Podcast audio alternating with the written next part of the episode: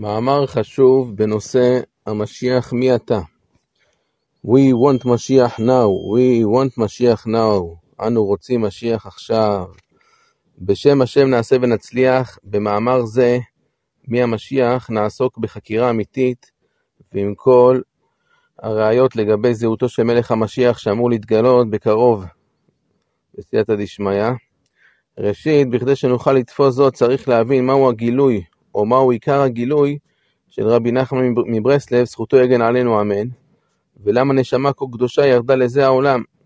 וכן נבין שהמשיח הוא המשך ישיר של רבי נחמן, וגם הוא יעסוק באותו גילוי, אחד על אחד, של רבי נחמן, רק ההפרש, ההבדל ביניהם, כך אמר רבנו שעלי יהיה מחלוקת, אם לקבל את עצותיי ודיבוריי, ואילו על המשיח כבר לא יהיה מחלוקת. וכן אמר על עצמו רבי נחמן שאני בכוח והמשיח יהיה בפועל. זאת אומרת, באותו הגילוי ממש, רק עכשיו יש בחירה אם לקבל אותי, את רבנו, ועל המשיח כבר לא תהיה בחירה. לא מצד כפייה חלילה, אלא מצד שהגילוי יהיה בפועל לעיני כל, ועם כל הכוחות והפאר של מלך המשיח, שיהיה כבר באותו הזמן בפועל ממש. אזי בכדי להבין זאת צריך להבין את סדר ההשתלשלות של ירידת תורת החסידות לזה העולם.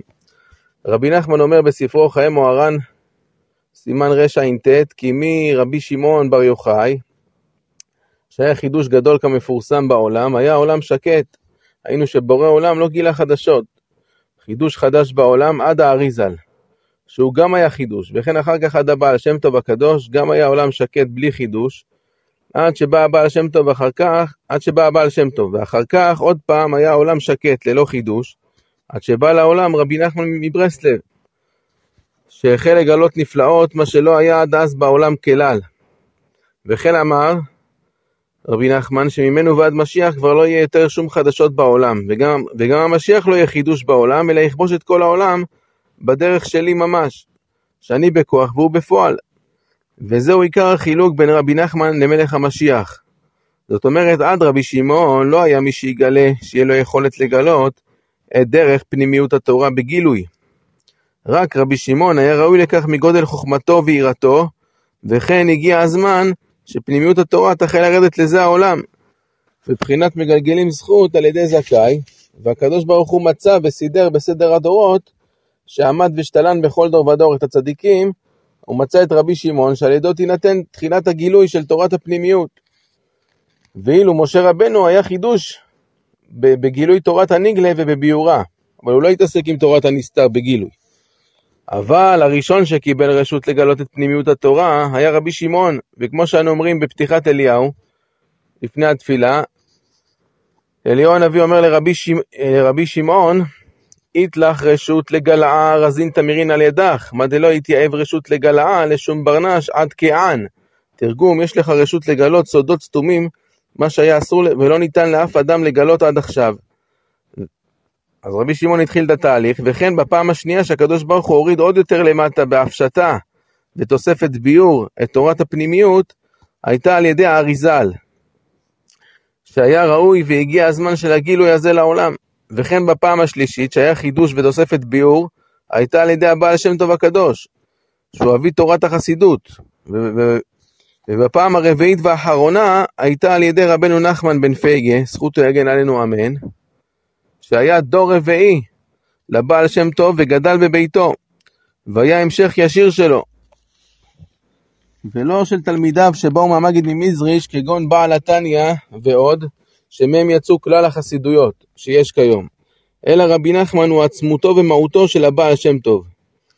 זאת אומרת שהיו ארבעה מנהיגים בעולם, צדיקים קדושים, עליונים וכישרוניים, שתפקידם היה להוריד את פנימיות התורה משכל עליון לשכל תחתון, על ידי תוספות ביאור, עד שבדור של המשיח כל אחד יוכל להבין זאת.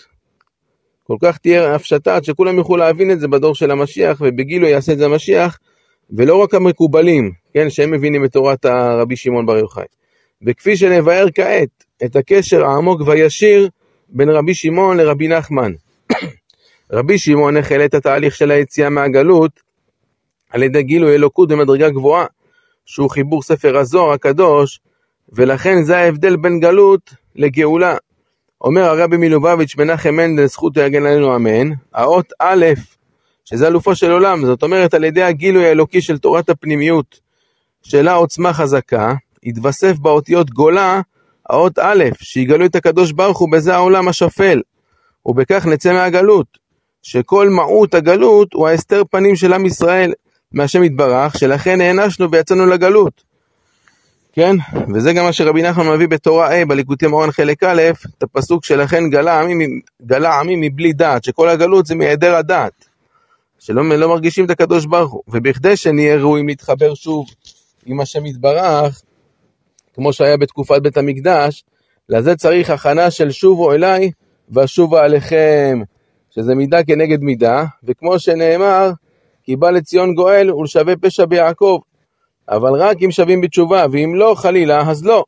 וכמו מסקנת הגמרא, שאם ישראל עושים תשובה, רק אז נגלים, והמסקנה שם, שיגרמו להם באחרית הימים לעשות תשובה. בכדי שנהיה כלי, כלי קיבול להיגאל. ואזי לא יישאר אף יהודי בגלות. וכן כתוב בזוהר בפירוש על ידי חיבור וגילוי הזוהר, עם ישראל יצא מהגלות ברחמים, כך אומר הזוהר בפרשת נשוא, דף קכ"ד עמוד ב', אבל מסתבר, וכך כתוב, בפירוש שפת הנחל של המוהרוש, על ליקוטי מוהר"ן, עיין בהקדמה, שרבי שמעון לא התכוון כפשוטו שבזה חיבור הזוהר יצאו מהגלות, אלא שהוא יתחיל את תהליך היציאה, אבל השלב השני של התהליך יתבצע על ידי אריזל, והשלב השלישי על ידי הבעל שם טוב, והאחרון על ידי רבנו נחמן, שבדרך שלו ובעצותיו ודיבוריו הקדושים, יכבוש המשיח את העולם ויוציאה מהגלות. ובזה נבין דבר פלא המופיע בכתב יד ונתפס על הליקוטי מוהר"ן בהשמטות. והוא, הציטוט הוא כזה, והוא ועכשיו יש נחל נובע מקור חוכמה, שאפילו העיר וקדיש מנשמיה, גם כן צריך לקבל משם. עד כאן לשונו. זאת אומרת שעכשיו רבי שמעון ששמעון, שעכשיו רבי שמעון, ששמעון הוא ראשי תיבות עיר וקדיש מן שמיה נחית, שזה פסוק מספר דניאל, פרק ד', מופיע בהקדמה הרגילה, כן, רואים, אפשר לראות את זה בהקדמה הרגילה לליקוטי המוהר"ן, שעוד עוד הודפס לפני שמורוש כתב את הפירוש שלו, אז, אז שרבי שמעון צריך לקבל מרבי נחמן, כן, ככה זה הכתב יד שמצאנו, שהוא צריך לקבל מרבי נחמן, שנחמן ראשי תיבות, נחל נובע מקור חוכמה, שזה פסוק מספר משלי, ואיך ייתכן להגיד דבר פלא זה? והרי ביחס לירידת הדורות, ועוד לתנאים, ועוד למובחר מהתנאים, שזה רבי שמעון, אז העולם היה יכול לחשוב שרבי נחמן הוא, הוא ננס, חס ושלום, לגבי הענק שבענקים רבי שמעון. אלא הדבר יובן בפשטות על פי המוהרוש בהקדמת שפת הנחל, זה מופיע, שזה פירוש על ליקוטי מאורן, כי לתפוס ולהשיג היטב את דברי רבי שמעון בן יוחאי אי אפשר, כי אם על ידי ההקדמות שגילה רבנו האריזל, ולתפוס ולהשיג את דברי האריזל, אי אפשר כי אם על ידי ההקדמות שגילה הבעל שם טוב הקדוש. ולהשיג את הבעל שם טוב ולקרבם אל שכל אנושי, עד שהגרוע שבגרועים והפחות שבפחותים, ואפילו אם עבר חס ושלום על כל התורה כולה, ומונח ברוח, ברוחניות שלו, בעומקי העמקים, בשאול תחתיות ומתחתיו, שהשם יתברך, כן, שאחד כזה, גם השם יתברך רוצה גם אותו לקרבו, ולהשפיע עליו מאלו האורות והגילויים של פנימיות התורה. ועל ידי כך להעלות אותו בתכלית העלייה, להיות דבוק בתורה הקדושה. זה אי אפשר כי אם על ידי ההקדמות שגילה לנו רבנו ז"ל. כן, לא שרבנו נחמן בא רק לירודים והפחותים, כן, שרק הם יכולים להבין על ידי העצות שלו, הוא בא לכולם. אבל אנשים שממש ירדו, שבדור שלנו ותרד פילה, פילה אם אין מנחם לה, ירדנו כל כך, אז רבנו ממש בא להציל אותנו על ידי ההקדמות שגילה לנו. וזה למעשה בניין שלם, כן, כל הארבעה צדיקים האלה, רבי שמעון, הארי, בעל שם טוב ורבי נחמן, זה למעשה בניין שלם, שכל קומה בו היא המשך ורצף ישיר לקומה הבאה. וחלק מתהליך ההפרטה כביכול, וההפשטה של השכל העליון, הגילוי של רבי שמעון, ועד השכל התחתון, שזה הגילוי של רבי נחמן. וכן רואים בחוש שכמה מקובלים יש כבר בעולם, מעט מאוד. אז איך, איך, איך נצא מהגלות? שצריך הרי בגילוי זה, של הפנימיות, התורה, להגיע לכל יהודי ויהודי. וזה אמרי האריזה, וזה אחרי האריזל. וגם בגילוי של הבעל שם טוב, רוב או חלק גדול מהעם עדיין לא מתחבר לדיבורים שלו, שיש מעט מקובלים. כי אם רק חלק קטן מהציבור, שהם בדרך כלל יותר, יותר אנשים שכליים. כן? גם הגילוי של הבעל שם טוב, רוב או חלק הגדול מהעם עדיין לא מתחבר לדיבורים שלו. כן? מהארי ז"ל רואים שיש מעט מקובלים, ומהגילוי של הבעל שם טוב, עדיין רוב העם לא מתחבר לדיבורים שלו. למה? כי לא מבינים, לא בגלל שלא רוצים להתחבר, פשוט לא מבינים. כי אם רק חלק קטן מהציבור, שהם בדרך כלל יותר אנשים שכליים, שכלתנים מה שנקרא, משאר החלקים בעם. ולכן רואים שלרוב העם קשה ללמוד ולתפוס את ספרי חב"ד למשל, שהם עדיין רק במרכאות נמצאים ונשארו בגילוי של הבעל שם טוב, כן? גם הספרים של חב"ד זה עדיין אבל הגילוי של הבעל שם טוב. אמנם כל השבעה אדמו"רים של חב"ד וכן המגיד ממזריץ' פיתחו ופירשו את הבעל שם טוב הכי נמוך וקל שאפשר.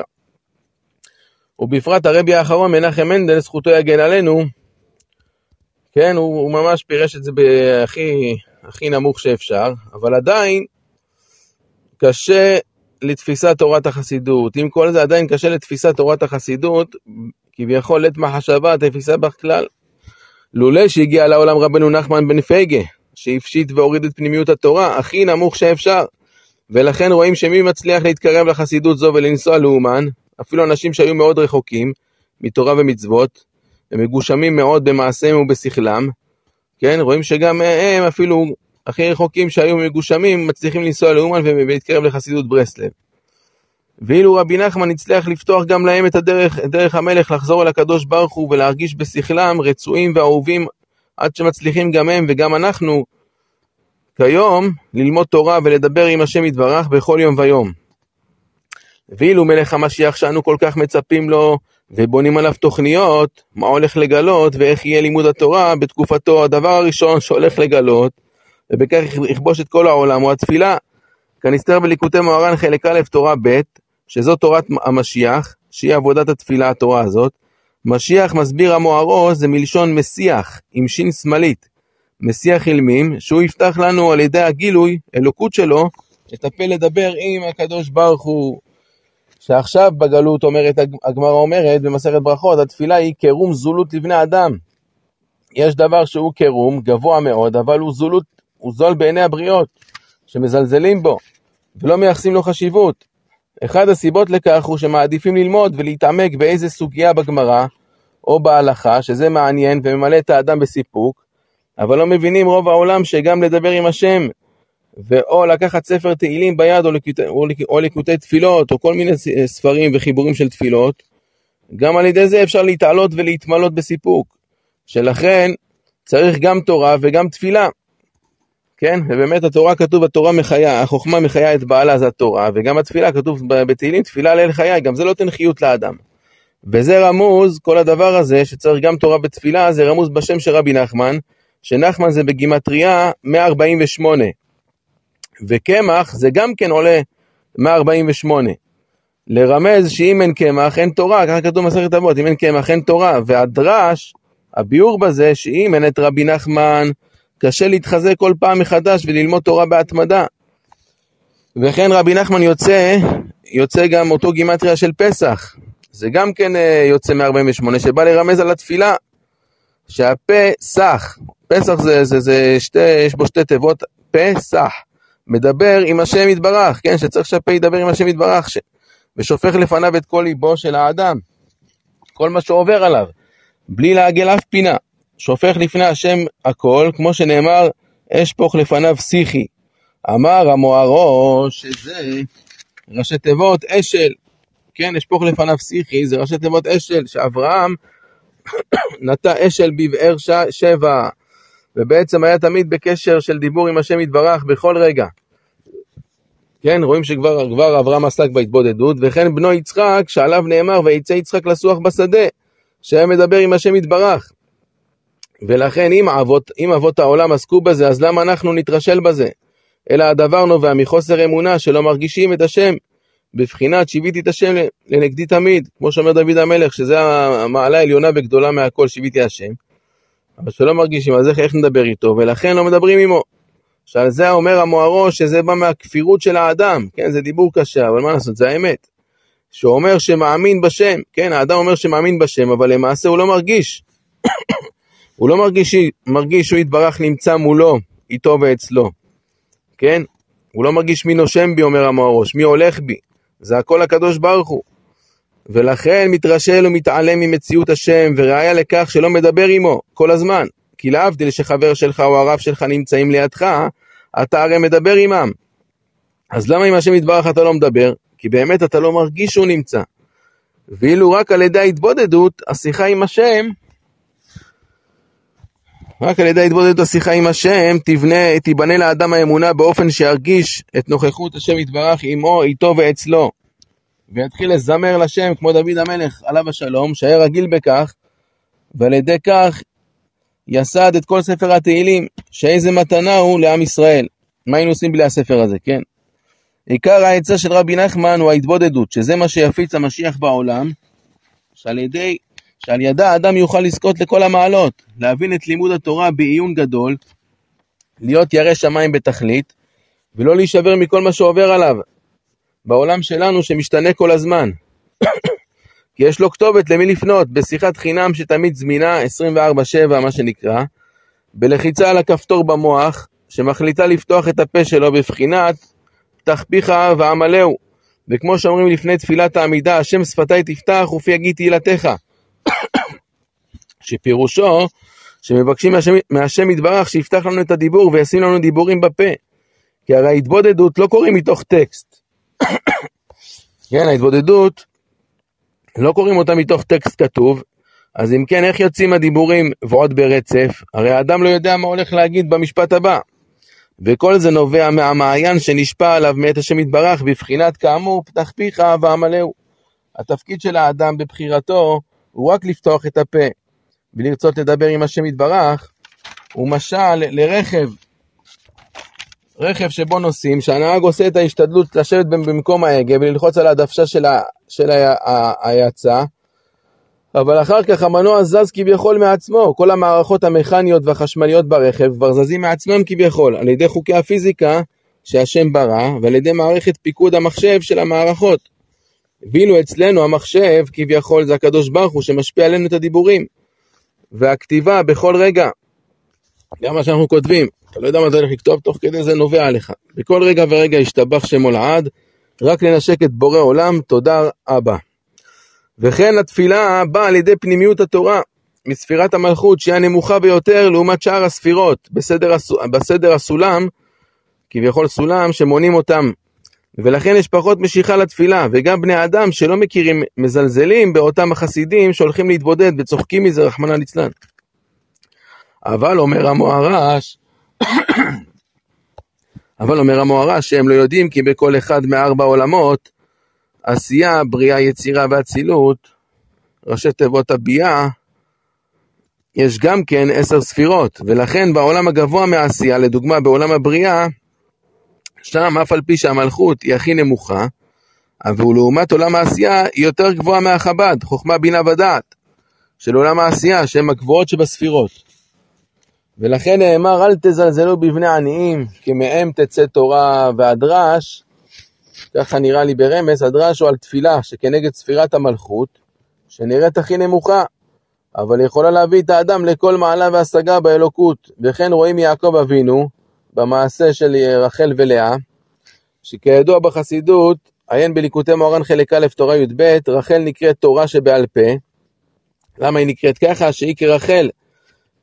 שרחל זה צמר רחלים של הכבש, כן, הצמר של הכבש נקרא אה, צמר רחלים.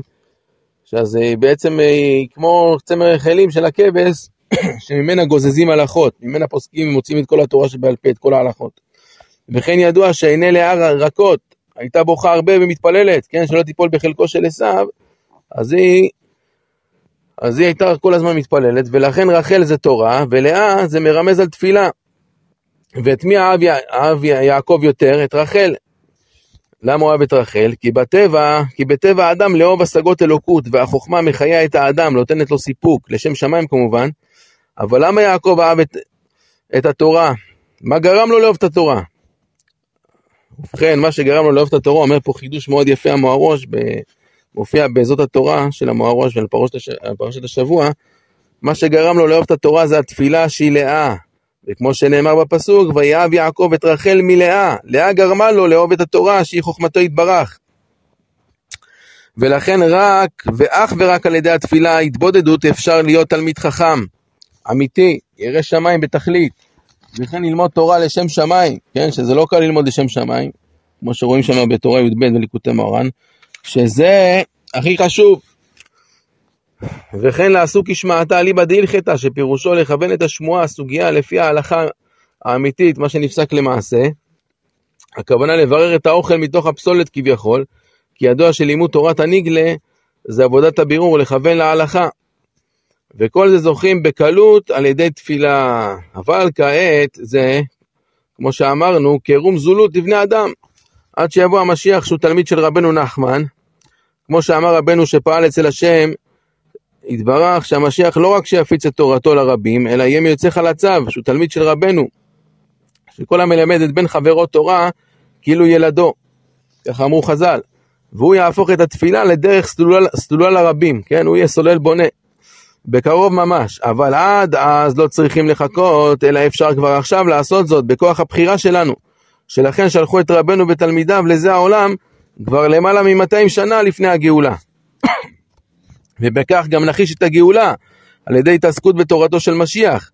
וכמו שאמר רבי נפתלי, שהיה תלמיד של רבנו, בתקופה עם רבי נתן, הם היו ביחד, מובא כל זה בספר פעולת הצדיק של המוהרוש, שכשיהיה, מה אמר רבי נפתלי? שכשיהיה הספר ליקוטי מוהר"ן מפורסם ומופץ בכל העולם, צריך להתכונן למשיח, זה הזמן של הגאולה. כי באה טליה מילתא, זה תלוי בזה. כך ראה ושמע רבי נפתלי ונכתב בספר מגילת סתרים של רבנו. מגילת סתרים זה ספר שלא מוכרים ומדפיסים אותו לרבים, כי רבנו ציווה שהוא יישאר בסוד, וזה עובר רק לצדיקים הגדולים של ברסלב, עובר ביניהם. כן, אז, אז מובא, אז, אז, אה, אז רבי נפתלי לא יכל לכתוב ולהדפיס את המגילה ורבי נתן, אבל רק את זה הוא אמר שהוא יכל לגלות לנו. כי רבנו ציווה שהמגילה, התוכן שלה יהיה סודי, יישאר בסתר, בכדי שתהיה לנו בחירה. אחרת היינו יודעים כל דבר מה הולך לקרות, ולא היה, לא היה בחירה. ולכן המסקנה שהמשיח שאליו מחכים ומצפים הוא משהו אחר לגמרי ממה שחושבים רוב בני אדם, כן? זה הפלא הכי גדול. המסקנה שהמשיח שאליו מחכים ומצפים הוא משהו אחר לגמרי ממה שחושבים רוב בני אדם כיום. וזה חלק מלשון ההיעלם של העולם. עולם מלשון ההיעלם, ומצחיק מאוד ליודעי חן, כנזכר לעיל. כן, זה חן זה כאילו חוכמת נסתר, זה כביכול למי שמבין בדבר. אשרי המאמין ויחכה ויצפה לכך, ובסוף יזכה לראות עין בעין בשוב השם ציון. בקרוב ממש, משיח נאו, משיח עכשיו, תם ולא נשלם, יושלם רק על ידי המשיח. כן, תם ולא נשלם, יושלם הדבר הזה רק על ידי המשיח. השבח לאל בורא עולם, תתה, אנחנו אוהבים אותך. ונסיים בשיר, נסיים בשיר, שדיברנו הרי על התבודדות על המשיח, המשיח הכניס בעולם, נסיים בשיר, התבודדות, התבודדות עם מעלה עליונה, התבודדות עם מעלה עליונה. עליונה וגדולה מהכל, יגלה אותה פימפים המשיח טינטין, יגלה אותה פימפים המשיח טינטין. אולי חלק מכם יצחקו עכשיו, אבל בקרוב נראה את זה בפועל ממש. זה המשך למאמר הראשון של המשיח מי אתה, זה החלק השני, והוא מאמר נפלא בנושא ההפתעה הגדולה שתהיה כשיבוא המשיח. הריני מקשר עצמי בלימוד תורה זה לכל הצדיקים האמיתיים שבדורנו ולכל הצדיקים האמיתיים שוכני עפר, קדושים אשר בארץ. המה, בפרט לרבנו הקדוש והנורא ונפלא רבן נחמן בן פגה והרב אליעזר שלמה שיק בן מלכה והרב מנחם מנדל מלובביץ', זכותם תגן עלינו. ובשם השם נעשה ונצליח. קודם כל אני יודע שזו, שזו השיחה הזאת היא, היא תעשה בעזרת השם רעש גדול לשם שמיים, אבל החלטתי שאין ברירה עת לעשות לשם. המשיח קרוב וכך אני מרגיש, והגיע הזמן לגלות מה שלא היה אפשר לומר קודם לכן, וזה בעצמו יחיש ויכין את הציבור לגאולה השלמה. ובכן, מוהרוש הקדוש בספרו פעולת הצדיק, עמוד תס"ה, אות תשצ"ג, מביא את אמרתו של רבנו, כי כשיתגלה מלך המשיח, העולם יהיו מבוהלים. עד כאן לשונו. ויש להבין ולתרץ זאת, לעניות דעתי, בשתי דרכים. כן, קודם כל הסיבה הראשונה, זה העיקר שם בדבריו, שהסיבה הראשונה בגלל שאין את ההתבודדות, אז יהיה חוסר אמונה, והשנייה, והבאתי גם שלישית, זה עוד אה, תירוצים שאני הוספתי, כפי שהשם כנראה, בעזרת השם חידש לי. אז נתחיל עם הראשונה. והיא חוסר האמונה, והרי כשיתגלה המשיח ובפרט אחרי ציפייה כה גדולה לגאולה, ובפרט אחרי כל הצרות, האיסורים והרציחות, רחמנא ליצלן, שעם ישראל עבר לפני כן, אין בכלל ואין הצרות בפרט, שבוודאי נתנפל כולם כביכול על מלך המשיח, כמוצא שלל רע וננשק אותו. אלא שבזמן האחרון הסמוך לאותו הגילוי, האדם, איש או אישה שלא היו רגילים להתפלל הרבה לקדוש ברוך הוא, ובעצם לדבר איתו, הרי שלהם האמונה היא בפנימיותם הרבה יותר נמוכה מאדם שרגיל להתבודד, וכמשל, וכמשל של שר המלך שרגיל להיכנס אליו דבר יום ביומו. הרי שהוא מתרגל למלך, וכוח ההרגל וההיכרות שלו עם המלך גורמים לו שייכנס אליו לפני ולפנים ללא חשש. ואילו האזרח הפשוט שבא לבקר את המלך, הרי שנכנס אליו בתחילו ורחימו, ביראה ואהבה, הכוונה בפחד ורטט. כמו כן, אדם שמתבודד לשם, הרי אומר המוהרוש, שהוא בונה לעצמו את האמונה, ובאותו רגע עובר כביכול סוג של השתלמות במידת האמונה.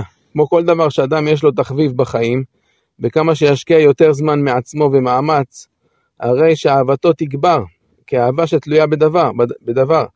ועל אחת כמה וכמה אדם שמשקיע מאמץ מזמנו וכוחו לדבר לפני השם יתברך, והקדוש ברוך הוא חי וקיים לנצח, הרי שזו אהבה שאינה תלויה בדבר.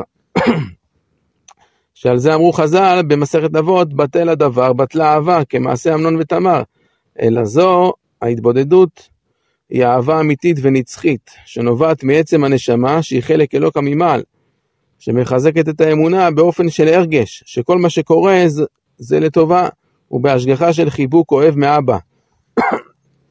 עד כדי כך שאצל הצדיקים אין הפרש בין חיים למיתה, והם מוכנים בכל רגע למסור נפש. למות בשביל לקיים תורה ומצוות, כי הרי את הנשמה אי אפשר להרוג, כי היא רוחנית, וחלק אלוקא ממעל ממש. ולכן המאורעות שיקרו לפני הגאולה, לאדם המאמין בהחלט, יהיו כמו אדם שצ... ש... שצופה בסרט חינוכי, למשל, וכמו חלום שהכל עובר מהר ומבלי להתבלבל, שנאמר בשוב, במזמור בתהילים, בשוב השם ציון היינו כחולמים. למה? כל זה כי מרגיש שהשם יתברך איתו, עמו ואצלו, ולא יעזוב אותו בזה העולם. וגם שאם חלילה, אחרי 120 שנה, רוחי גבייתי, כן? גם אם רוחי גבייתי, השם לי ולא יירא. לעומת זאת, אדם שלא רגיל בכך לדבר עמו יתברך, הרי נבהל, נבהל מהר. כמו שקרה בשביעי באוקטובר האחרון, שזה היה יום שבת של שמחת תורה, שנת תשפ"ד, אחרון ואז אז פתאום קרה מה שקרה שם בשביעי באוקטובר האחרון למניינם, אז אדם יכול לחשוב שכלו כל הקיצים ויום המיטה הנורא כביכול הגיע. והקדוש ברוך הוא עזב אותנו להנחות חס ושלום. וכל זה למה? כי ברגע שלא רגיל להתבודד, הרי שמפריד את הנעשה בזה העולם מבעלי הבחירה והגויים ומהשם יתברך. כאילו חס ושלום הכל טבע, מקרה ומזל, בעוד שאין אדם נוקף אצבעו, כך אומרת הגמרא, אין אדם נוקף אצבעו מלמטה, לולא שמכריזים עליו. קודם כל מן השמיים את הדבר הזה הכריזו עליו. שלכן השם הקדוש, אלוקים, שזה מידת הדין, עולה בגימטריה 86. כמניין הטבע, כן, שמוסיפים לטבע את האות A, כמניין הטבע. שמי שחושב שהכל מתנהג על פי טבע, סובל איסורין והסתר פנים, וכמו שאומר דוד המלך עליו השלום, הסתרת פניך, הייתי נבהל. ובפרט בדור שלנו, שאנו בהסתרה שבתוך ההסתרה. כן, כמו שנאמר בפסוק, שנאמר על הדור שלפני הגאולה, שנאמר, אנוכי אסתר אסתיר פניי ביום ההוא. כן, רואים שיש בפסוק הזה פעמיים הסתרה, אסתר אסתיר, פעמיים הסתרה, הכוונה אומר רבנו, הסתרה שבתוך הסתרה. שאפילו ההסתרה נסתרת מהאדם, שהוא לא יודע שהוא בהסתרה. כן, זו הקללה הכי גדולה, שאפילו לא, הוא לא יודע שהקדוש ברוך הוא רחוק ממנו. אבל מי שמתבודד, יודע שגם שם נמצא השם יתברך, ולכן האדם המתבודד לא יהיה מבוהל כנזכר לאל שיבוא המשיח, וזה התירוץ הראשון לבהלה שתהיה בזמן הגאולה, כתוצאה כאמור מחיסרון האמונה. כן, ואילו ההתבודדות היא בדיוק הפוך, היא בונה את האמונה. ועכשיו הגענו סוף סוף לתירוץ השני שהתחדש לי והמפתיע בהחלט, ש...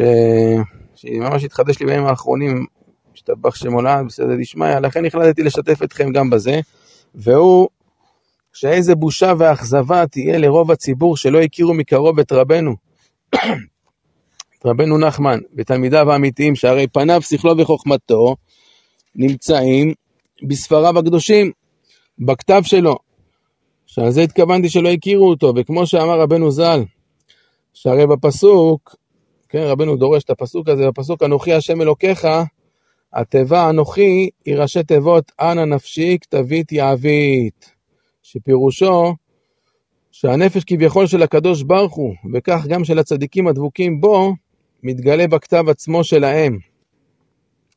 כן, כביכול הקדוש ברוך הוא נמצא בתוך התורה עצמה, כביכול נמכר לנו עם התורה. שעל זה אמר רבנו כי, כי, אפשר, כי אפשר לזהות את נפש האדם בכתב שלו, ששם ניכר כל מהותו. עיין, עיין בזה בליקוטי מאורן חלק א', סימן קע"ג, וזה פירוש אנוכי דייקה, שהקדוש ברוך הוא נמצא בתוך התורה הקדושה, וכמו כן נפש הכותב, שזה פניו, שכלו וחוכמתו. פניו לשון פנים, מה שבפנימיות שלו. ולכן הציבור שרחוק מדעת רבנו ז"ל ירגישו בתוך תוכם בושה, בושה, בושה. כי כולם ציפו לגילוי מלך המשיח מי הוא ומה יביא עמו. והנה הכל היה כבר מונח, מונח כאן, בזה העולם כבר מעל 200 שנה מאז ירידת נשמת רבנו לזה העולם. ויגידו איך כביכול בטיפשותנו, בטיפשות שלנו לא שמנו לב, איך החמצנו את זה מתחת לרגליים שלנו כביכול, מתחת לרדאר. ואזי לא ידעו הציבור אם לצחוק מרוב שמחה, שאז ימלא שחוק פינו, או לבכות ולהצטער על האכזבה וההחמצה, שהרי בכוח הבחירה יכלנו לפעול זאת. לקרב את הגאולה כבר מזמן, והיה נחסך לעם ישראל הרבה צרות ומלחמות, כל מיני איסורים. אם היו מתעסקים בתורתו של משיח ומקיימים את עצותיו הקדושות.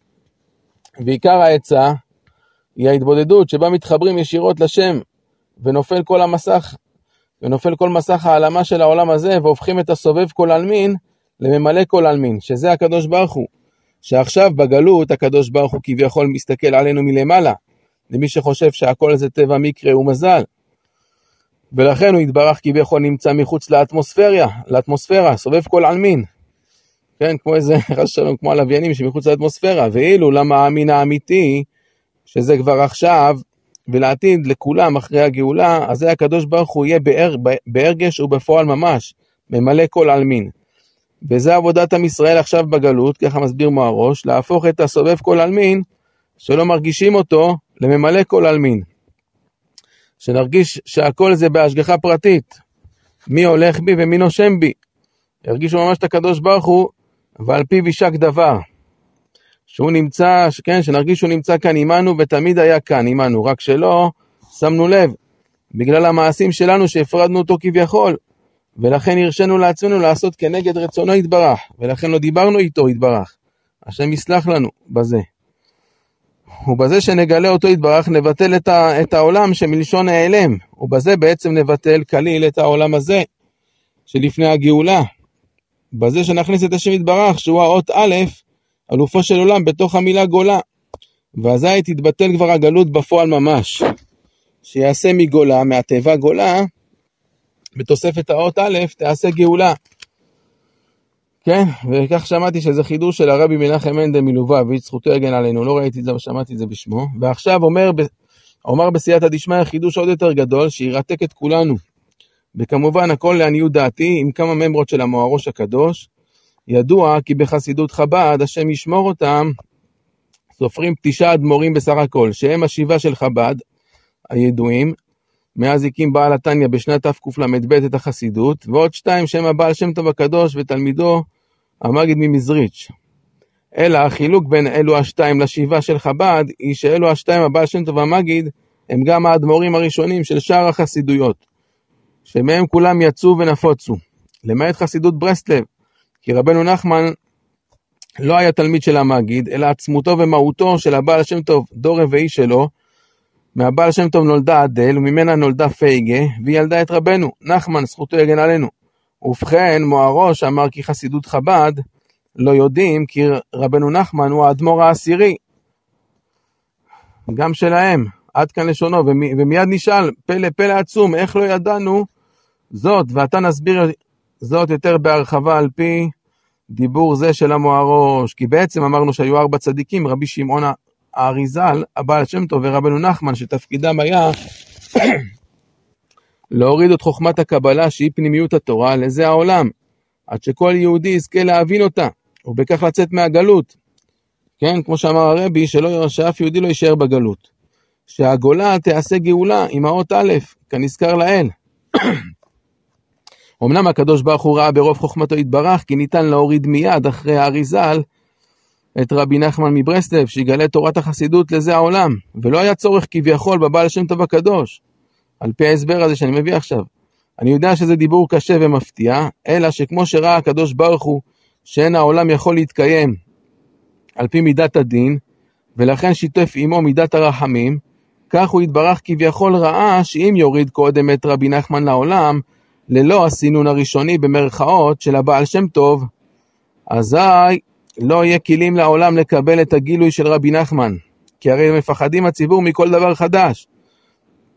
ובפרט בהשפעת הרבנים הליטאים, זכותם תגן עלינו, שהתכוונו אך ורק לשם שמיים, לשמור עלינו מהשפעות חיצוניות ושליליות, ועמדו על המשמר, ובפרט אחרי השץ, שבתאי צבי, שהם רשעים מרכב, כן, שידוע הסיפור איתו, אז אחרי זה פחדו כל הרבנים מכל שיטה או התנהגות שונה בהנהגה ממה שהיה קודם לכן. ולכן ראה הקדוש ברוך הוא שחייב, כן, כל זה נראה לעניות דעתי ולפי מה שמהראש אמר בעל פה, שרבנו יכל לרדת לפני הבעל שם טוב, אלא שלא היה כלים לעולם, והיו שורפים מיד הספרים, כמו שנביא בהמשך. ולכן ראה הקדוש ברוך הוא שחייב להקדים את הגילוי של הבעל שם טוב לגילוי של רבי נחמן, בכדי שנוכל לקבל את האור של רבנו נחמן עם כלים ובהדרגה, ולא כביכול נסתנוור מיד. ואזי היו חלילה שורפים מיד את ספרי ברסלב, מפחד שינוי עדת ישראל כביכול, וכאילו שנוצר בהשפעה של, בהשפעה של ההשקפה שולחן ערוך חדש, כן? כאילו נוצר פה איזו השקפה חדשה שהיא נגד רוח היהדות. שזה כמובן לא נכון, ולכן כאמור ירדה נשמת הבעל שם טוב קודם לכן. אבל כמו שאין מוריד, מוקדם ומאוחר בתורה, היה צריך כנזכר לאל לרדת קודם לכן, לזה העולם נשמת רבנו נחמן בן פייגה, ולכן אמר רבנו נחמן לדודו רבי ברוך ממישיבוז' שזה מופיע בספר פעולת הצדיק למוהרוש, עמוד, רף, עמוד רס"ג, או תע"ח, שהגיע למדרגת הבעל שם טוב זקנו, בעת שהיה בן 13 שנים בלבד, שזה פלא פלאים. ולכן אמר שהספר שלי, הליקוטי מוהר"ן, הוא התחלתא דגאולה, הוא התחלת הגאולה. כנזכר בהקדמה לליקוטי מוהר"ן ובספר חיי מוהר"ן, בחלק של מעלת וגדולת השגתו, ככה זה כתוב שם בפירוש, שרבנו אמר על עצמו שהספר שלי הוא התחלתא דגאולה. וזה גם מתאים לסיפורי מעשיות, ממעשה זין עם הזבוב והעכביש, שהיה דיון אם להוריד את נשמת רבנו לעולם. כי הסמ"ך מ"ם טען שהוא יתקן את כולם, אבל אמרו לו קץ בא הקץ. הגאולה מתקרבת, חייב להוריד אותו, חייב להכין את הדורות. ולכן הספר שלו בעצם זה התחלתא דגאולה. כן, כי רבנו נחמן ממנו, ממנו יצא המשיח, ולכן תורתו היא תורת משיח, התחלתא דגאולה. כנזכר בספר פעולת הצדיק, עמוד רנ"ט, עוד תס"ט, ששם אומר רבנו כי פעל אצל השם יתברך שהגואל צדק יהיה מיוצא, חל, חל, יהיה מיוצא חלצי, עד כאן לשונו, שמסביר המוהרו שהכוונה לתלמיד שלו. שכל המלמד את בן חברו תורה, כאילו ילדו, כמובן בחכמנו ז"ל. שימשיך את גילוי רבנו בסוד העיבור. כן, אז הכוונה יוצא חלצי זה תלמיד שלו, שהוא בעצם ימשיך את רבנו, את הגילוי שלו בסוד העיבור, כאשר אני אסביר עתה יותר בעומק. אומר המוהרוש בספר שפת הנחל, פירוש על הליקוטי מוהר"ן, בתחילת תורה ב', חידוש מאוד גדול, והוא, אני מצטט, ויש לומר כי נודע אשר ברבנו ז"ל היה מעובר נשמת רבי שמעון, או ברבי שמעון בן יוחאי הייתה מעוברת נשמת משה. וכמו שאמר בעצמו, רבי נחמן אמר בעצמו, ועכשיו יש נחל נובע מקור חוכמה, שאפילו העיר בקדיש, שזה רבי שמעון, גם כן צריך לקבל משם. עד כאן לשונו. וכאשר הסברתי בשיחה הראשונה, המשיח מי אתה? וכן אומר בעל התניא בפרק י"ד בסוף הפרק, אני מצטט מדברי התניא, וכולי אי ואולי יערה עליו רוח ממרום ויזכה לבחינת רוח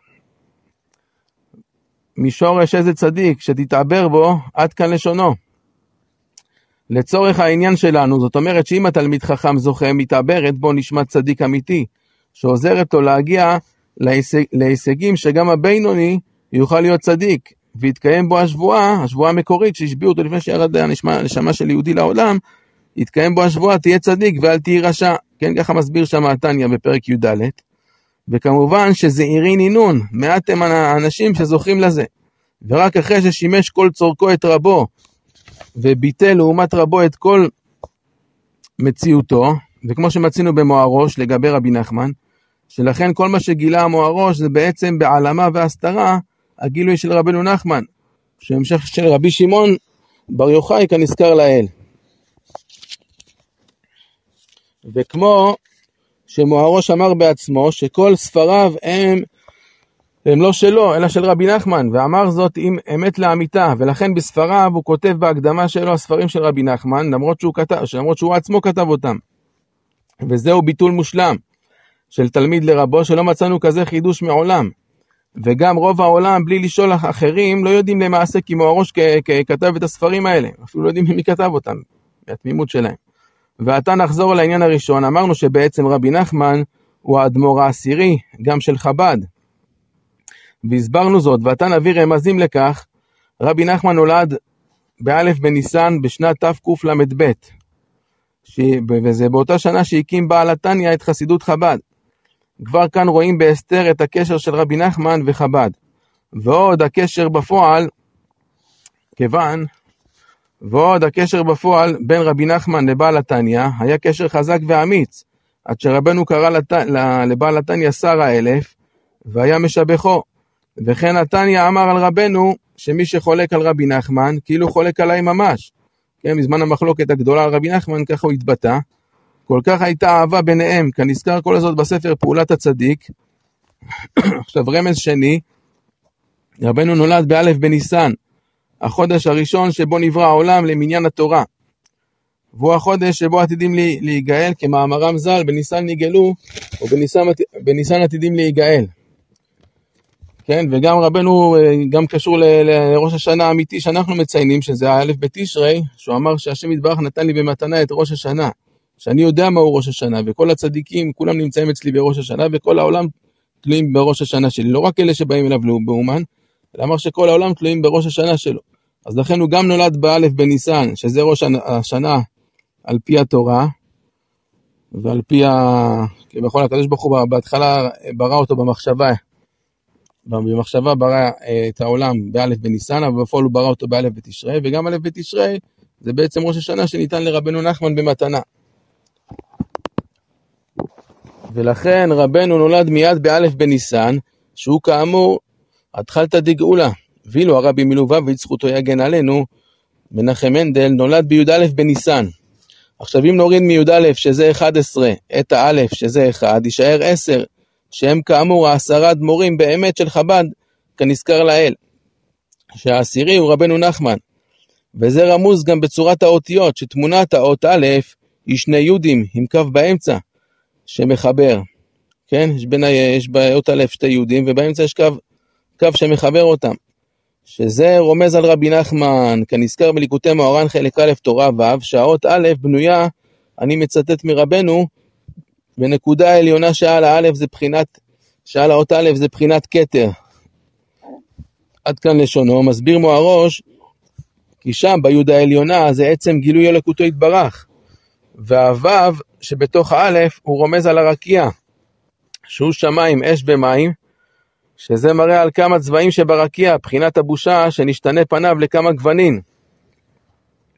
והיוד התחתונה של תמונת האות א' זה בחינת דמימה, שדומה לניק, לניקוד של חיריק. זאת אומרת שחסידי ברסלב בתחילה היו, הם היו נקראים אבידויניקס, ככה אנשים היו קוראים להם, שהם המתוודים. כי בתח, בתחילה, בהתחלה כל מי שהתקרב לרבנו, בחיים חיותו של רבנו, אז הוא צריך להתוודות קודם על כל מעשיו. כן, כל אחד היה צריך להיכנס אליו באופן אה, פרטני, ב- ליחידות עם רבנו, ואז הוא צריך להתוודות קודם על כל מעשיו. ככה רבנו קיבל אותו, כן, זה היה... ואזי בווידוי האדם, כשאדם מתוודה כל מה שהוא עשה, אז הוא מתבייש מאוד ממה שעשה במהלך חייו, ובפרט בחדרי חדרים. והיו משתנות פניו מרוב בושה, שזה כאמור הוו שבתוך האות א', שדומה לרקיע. וזה יסוד חשוב בחסידות ברסלב עניין הווידוי, שנעשה כיום בציונו הקדוש, או אפילו בכל מקום אם אין אפשרות לנסוע לאומן, על ידי שפותחים את הספר ליקוטי מוהר"ן, ששם נמצא בכתב שלו פניו, שכלו וחוכמתו. ובעצם בדיעבד, או שלא בדיעבד, מתוודים לפני רבנו נחמן גם היום. וכן, שומעים חסידי ברסלב הרבה ביזיונות ושותקים בבחינת היוד התחתונה של האות א', שזה רומז לניקוד חיריק, שזה הדמימה, הד, הדמימה שלא עונים על הביזיונות, כן, כמו שאומר שם רבנו, שלא יענה למחרפו דבר. וידום וישתוק, ידום גם בלב וגם ישתוק, ידום גם בפה וגם ישתוק בלב, לא ירצה לנקום בו, יקבל את זה באהבה, כי בעצם הוא מתקן, הוא מתקן אותו, שמבזה אותו. כי כן ציווה רבנו נחמן, ואזי זובחים את היצר הרע שבחלל השמאלי של הלב, ששם משכן, משכנו. ונעשים על ידי זה אדם לשבת על הכיסא, כמו שכתוב בנביא יחזקאל, פרק א', פסוק כ"ו, ודמות כמראה האדם עליו מלמעלה. זאת אומרת שהתשובה של האדם מתקבלת רק על ידי הביזיונות, וכמו שאמר המוהרוש, כי רבנו החליף לנו את, הת... את התעניות לביזיונות. ועיקרם נעשה על ידי האישה, שהיא מכירה את בעלה הכי טוב, ולכן אסור לענות לה, אלא לקבל ולדון אותה לכף זכות, כי היא לא אשמה בכך, כי הרי האישה נמשלה ללבנה. שלבנה ראשי תיבות בתולה נישאת ליום הרביעי. שאלה על הלבנה אין אור מעצמה, אלא מה שמקבלת מהשמש, ממעשיו של השמש, שזה הבעל המשפיע בבית, שרבי יוחנן קרא לאשתו בית, ביתי, הוא קרא לה. כמובן בגמרא, וכל הביזיונות היינו צריכים לעשות עקב מעשינו השליליים והגאווה שבעקבותם, כן, היא לא מסכנה, היא מבזה אותנו, כי זה, זה בעצם המעשים הרעים שלנו, המעשים השליליים והגאווה שבעקבותם היה צריך הרבה תעניות. ולמי יש כוח לכך? ולכן אמר התנא באבות בפרק א', לא מצאתי לגוף טוב משתיקה. הוא פירש רבי עובדיה מברטנורה, שזה חוזר על מי ששומע חרפתו ושותק. כי באמת היה צריך האדם להתענות תעניתים ולסגף את עצמו בסיגופים על כל חטא ועוון שעבר וחטא. והיה מענה על ידי זה את הגוף. אך כפי הנזכר לאל, שעיקר התשובה אומר רבי נחמן היא לדום ולשתוק, ועל ידי זה יתכפר לו הכל, אזי כבר אין צורך לשום תעניות וסיגופים. ועל כן אמר התנא, לא מצאתי לגוף דייקה, דייקה לגוף משתיקה, כי על ידי הדמימה והשתיקה יתכפר לו הכל, ואבן וקל להבין. ולכן, אחרי כל ההסבר הזה, מובן למה רבנו נולד באלף בניסן. כי רומז על עניין הביזיונות שיסד, ובלעדיהם אי אפשר להיות אדם היושב על הכיסא, כנזכר בנביא יחזקאל פרק א' פסוק כ"ו, כי מבלי זה האדם למעשה כאילו ולא נוצר בזה העולם. היינו קודם שהאדם עושה תשובה, והסברנו כעת מה זה עושה תשובה, עניין הביזיונות. אז אזי אומר רבנו באותה תורה ו', שקודם התשובה עדיין אין לו הוויה, כאילו עדיין לא נברא, לא נתאווה בזה העולם, כמאמרם ז"ל בעירובין. דף י"ג עמוד ב', נמנו וגמרו, כן, בית הלל ובית שמאי נמנו וגמרו, נוח לו לאדם שלא נברא, יותר משנברא. כי בקל הולכתו בזה העולם, חס ושלום. זאת אומרת, בלי תשובה, האדם היהודי שחי כאן בזה העולם, על כדור הארץ, הוא חי בדמיון שכאילו נמצא בזה העולם. אבל למעשה כביכול משמיים לא סופרים אותו. הכוונה, הכוונה שהוא עוד לא נתעבה כלל בזה העולם. וזה פחד פחדים. באיזה דמיון אנשים חיים בזה העולם עד שמגלים את האמת. ומתי הם יגלו את זה? אחרי 120 שנה בבית דין של מעלה, או כשיבוא המשיח, שאז ידעו מי הם באמת, כמה רחוקים הם באמת מהשם יתברך. ואזי יעשו מבוהלים. וזה פירוש נוסף על מה שאמרנו קודם, שרבנו אומר כי כשיבוא המשיח, יהיו העולם מבוהלים. רחמנא ליצלן, כמובן בספר פעולת הצדיק, עמוד תס"ה, עוד תשצ"ג, ופתאום כשיבוא משיח, אומר רבנו, ויקרא אותם, יהיו מעורבבים ומבולבלים, עד כאן לשונו, כן, ואומר שמה שלפני זה שהם יהיו מבוהלים. עיין שם, וזאת בגלל, מסביר שם רבנו שאין להם התבודדות, כאשר הרחבתי בתחילת המאמר, והוספתי עוד פירושים משלי בסייעתא דשמיא. ולכן הוכחנו כאן, הוכחנו, הוכחנו כאן כי רבנו לא נולד סתם באלף בניסן, כי כל הגאולה תלויה בו למעשה. והרמז לכך שבניסן עתידים להיגאל. ואילו הרבי מלובביץ' זכותו יגן עלינו נולד בי"א בניסן, זאת אומרת שחוץ מהאות א' של רבנו יש, יש את הי' בהתחלה, כן? ברבי מלובביץ' יש, יש גם י' וגם א'. וזה כך נראה לי לרמוז על החוכמה, שהי' כידוע בחסידות זה רומז על החוכמה, שבהתחלה, בתחילה זו נקודה קטנה שעולה במוח, שהיא ההברקה הראשונית, ואותה האדם צריך להרחיב אחר כך על ידי הבינה, לרעיון אמיתי ונכון, שזה סוד אבא ואמא, חוכמה ובינה. ולכן כבר אמרנו שהרבי מלובביץ' הוא למעשה הגילוי הנורא של הבעל שם טוב, שבזכות הרבי זוכים כיום כל המשכילים שבדורנו להבין את התניא וכל חוכמת הפנימיות. כי הרבי הוריד את זה הכי נמוך, וזה רמוז באות י' שלפני א', שזה, שזה י"א בניסן בו נולד. אבל אחרי האות י' יש את האות א', שזה מראה על ההמשכה, בכדי להוריד את פנימיות התורה מעבר למשכילים שבדור, לכל חלקי שכבות העם, עד לפחות שבפחותים ברמה השכלית שלו, שהוא מגושם, וזה רוב עם ישראל בדורותינו אלו, כן, אנחנו לא כולנו מדענים וחכמים, כן, אלא רוב האנשים אנשים פשוטים. אז בשביל זה צריך הקדמות נוספות, וזה הגילוי של רבנו נחמן, גם לרבי יש אנשים רחוקים ומגושמים שהתקרבו אליו, שהוא הפך אותם לבני אדם ויודעי חן, חוכמת הנסתר, שהיא פנימיות התורה. אבל השער והפתח לכולם הוא רבנו נחמן, וכמו שאמר את זה רבי נתן. ואין כאן במאמר זה חלילה כל ניסיון לתחרות בין שתי, בין שתי חסידויות אלה, כי שניהם נצרכים לעולם, והמטרה היא שגם בברסלב, על ידי הגילוי של חב"ד, נזכה לעלות עד לגילוי של רבי שמעון ונזכה להבין את פנימיות התורה, עוד מהזוהר הקדוש. וכפי שהזכרתי קודם, כי חב"ד פותחת את ההבנה, אחרי שיש כבר את ההקדמות של רבנו נחמן, בצורה ברורה ומיוחדת, כן, אחרי שיש את ההקדמות של רבנו, אז אחרי ש... ולומדים על זה את ספרי חב"ד, אז כבר, אז כבר זה, ההבנה היא הרבה יותר יפה, צורה ברורה ומיוחדת, שלומדים לעיין אחר כך עוד יותר בדברי רבנו ז"ל. ולהבין אותו יותר בעמקות, וכמעט, ש... וכמעט שאפשר לרדת לסוף דעתו של רבנו, מי שבקיא בכל הספרים. ומקווה שהצלחתם להבין זאת. ולא סתם רבי נחמן נקרא כך בלשון נחמה, וכפי שקרא לו דודו, רבי ברוך ממז'יבוש בברית מילה שלו, נחמן, ואמר כי זה נחמנו מעיצבון ידינו.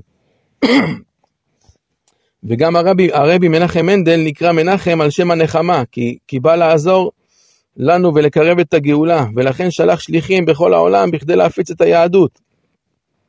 אבל בכדי כאמור שכל אחד יוכל להבין ולהתקרב באמת צריך את ההקדמות של רבנו נחמן. עכשיו, כל מה שאני הולך לומר או לגלות כעת, תלוי איך מסתכלים על זה, זה הכל לעניות דעתי בלבד, אחרי שהבנו שבעצם הוא הראש, הוא למעשה ליודעי חן רבי נחמן, בסוד העיבור שהסברנו. כן, על פי התניא. אזי מובן איך הגואל האחרון הוא למעשה הראשון, משה רבנו.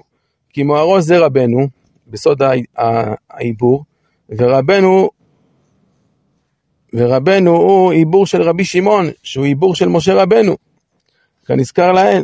כי הרי רבנו נחמן לא אמר על עצמו שהוא יהיה המשיח בפועל, אלא תלמיד שלו, ולכן כל הבעלי גאווה שבדור שחולקים על כל מנהיגי ברסלב, רחמנא ליצלן,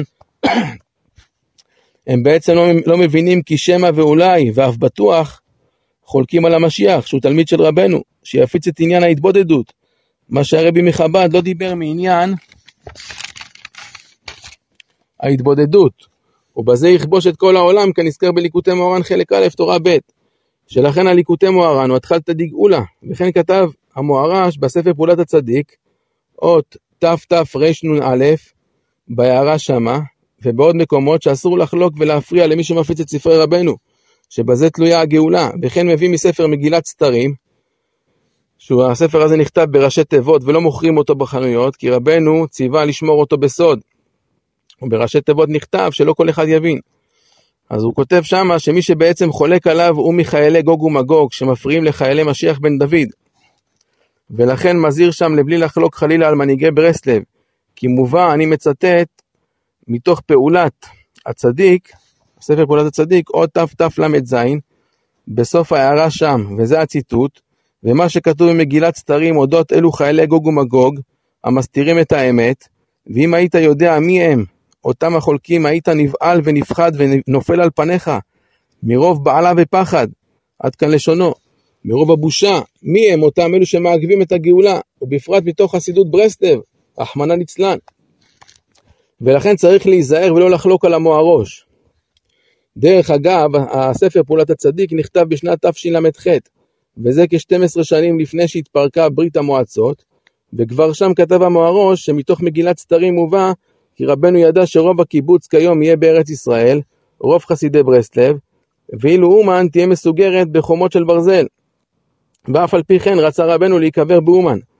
ואמר כי מובא ממגילת סתרים, שעוד מעט ייפתח הציון הקדוש לכולם. וזה ממש דברי נבואה שמוהרוש אמר זאת מתוך דברי רבנו כ-12 שנים לפני שרוסיה התפרקה. ובאותו הזמן, בשנת תשל"ח, מי היה מאמין לכך? כמובן כל זה בספר פעולת הצדיק, דף תש"ו, אות תתרנ"ג, בהערה שם, ואני מצטט, עד שבקרוב נזכה שיפתחו המצרים, המצר, המצרים ו...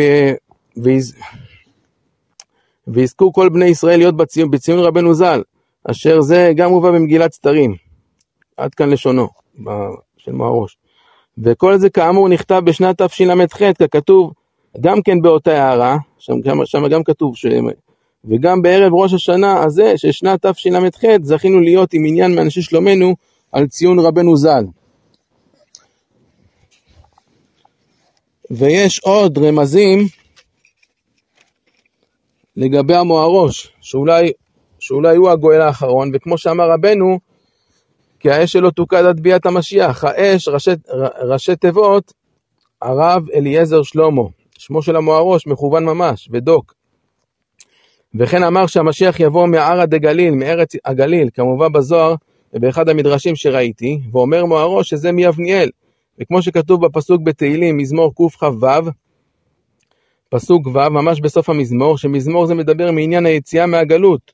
בשוב השם את שיבת ציון היינו כחולמים. אומר הפסוק, בוא יבוא ברינה נושא אלומותיו.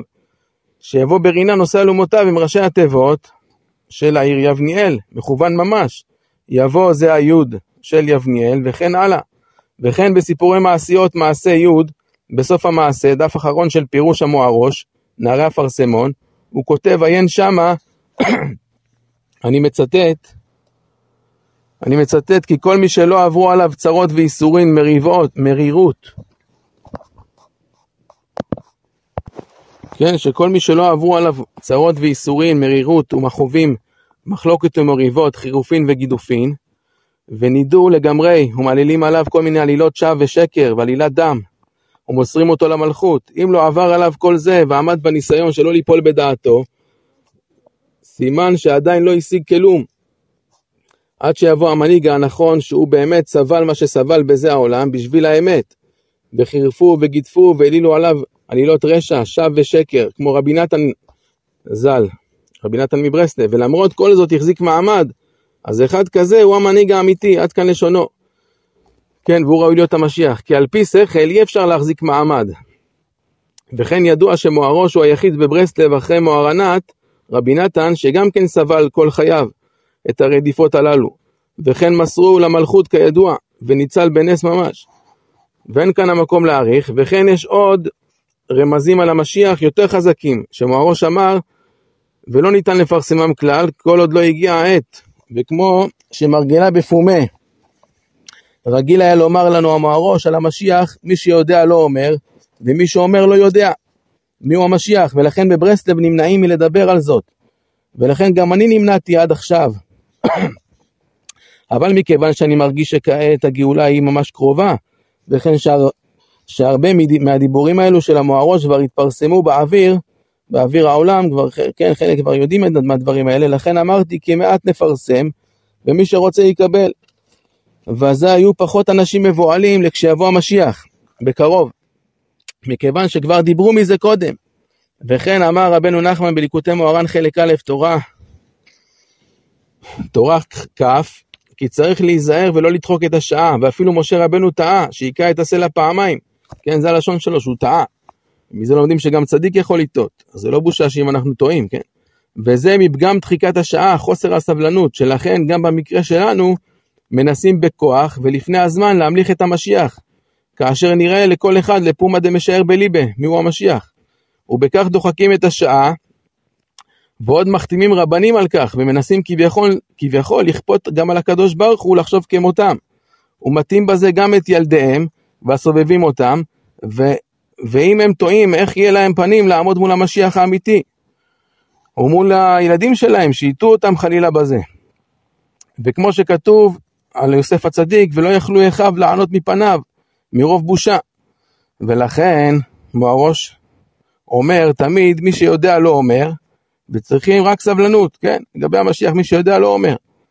וצריכים לזה רק סבלנות, ואם זה המשיח יהיה הרבי מלובביץ', מנחם מנדל זכותו יגן עלינו, נלך אחריו כולם. ובינתיים נלמד גם את ספרי רבנו וגם את ספרי חב"ד. ובכך נלך על כל הקופה, לכל השיטות שעוסקים בתורתו של משיח, ומקרבים בכך את הגאולה. נקודה אחרונה שרציתי לומר, הרבי מלובביץ' אומר כי הסתיימו הבירורים והגיע הזמן לצאת מהגלות. ולא מובן אם כן, למה הגאולה מתעכבת. ואילו מוהרוש היה אומר שאנו בסוף הבירור. ובכל מקרה, גם לשיטת הרבי, שהסתיימו הבירורים, אז אה, גם, גם לזה מתאים המאמר של רבי נחמן, שאומר בליקוטי מוהר"ן בתורה ב', בסוף התורה, כי, כי ככה אני מצטט מדבריו, כי אם לא חסדו, כי אם לא חסדו תבינן חס ושלום בגלות. כן, בלי החסד של הקדוש ברוך הוא, חס ושלום, היינו טובים בגלות, נשארים בגלות, וטובים, חס ושלום. ומסביר מוהרוש בספר שפת הנחל, כי גם אם על פי, כי, כי גם אף על פי שכל ה... מסביר המוהרוש בספר שפת הנחל, כי גם אם על פי שכל, אחרי שעסקנו בתורה ובתפילה, והשלמנו את, בני, את בניית המשכן, כן, כמו שמובא שם בתורה הזאת, שהצדיק בונה מהתפילות את המשכן, בתורה ב', ואזי חייב כבר לבוא המשיח מצד ההכנה. אזי רבנו מסביר שלמרות הכל, כל זה מצד הבחירה. אבל מצד הידיעה צריכים לדעת כי הכל תלוי רק בחסדו יתברך, להוציא אותנו מהגלות. ולמרות שנראה כי הדברים סותרים זה את זה, אבל לא כן הוא, כן, שבאמת אין, אין סתירה.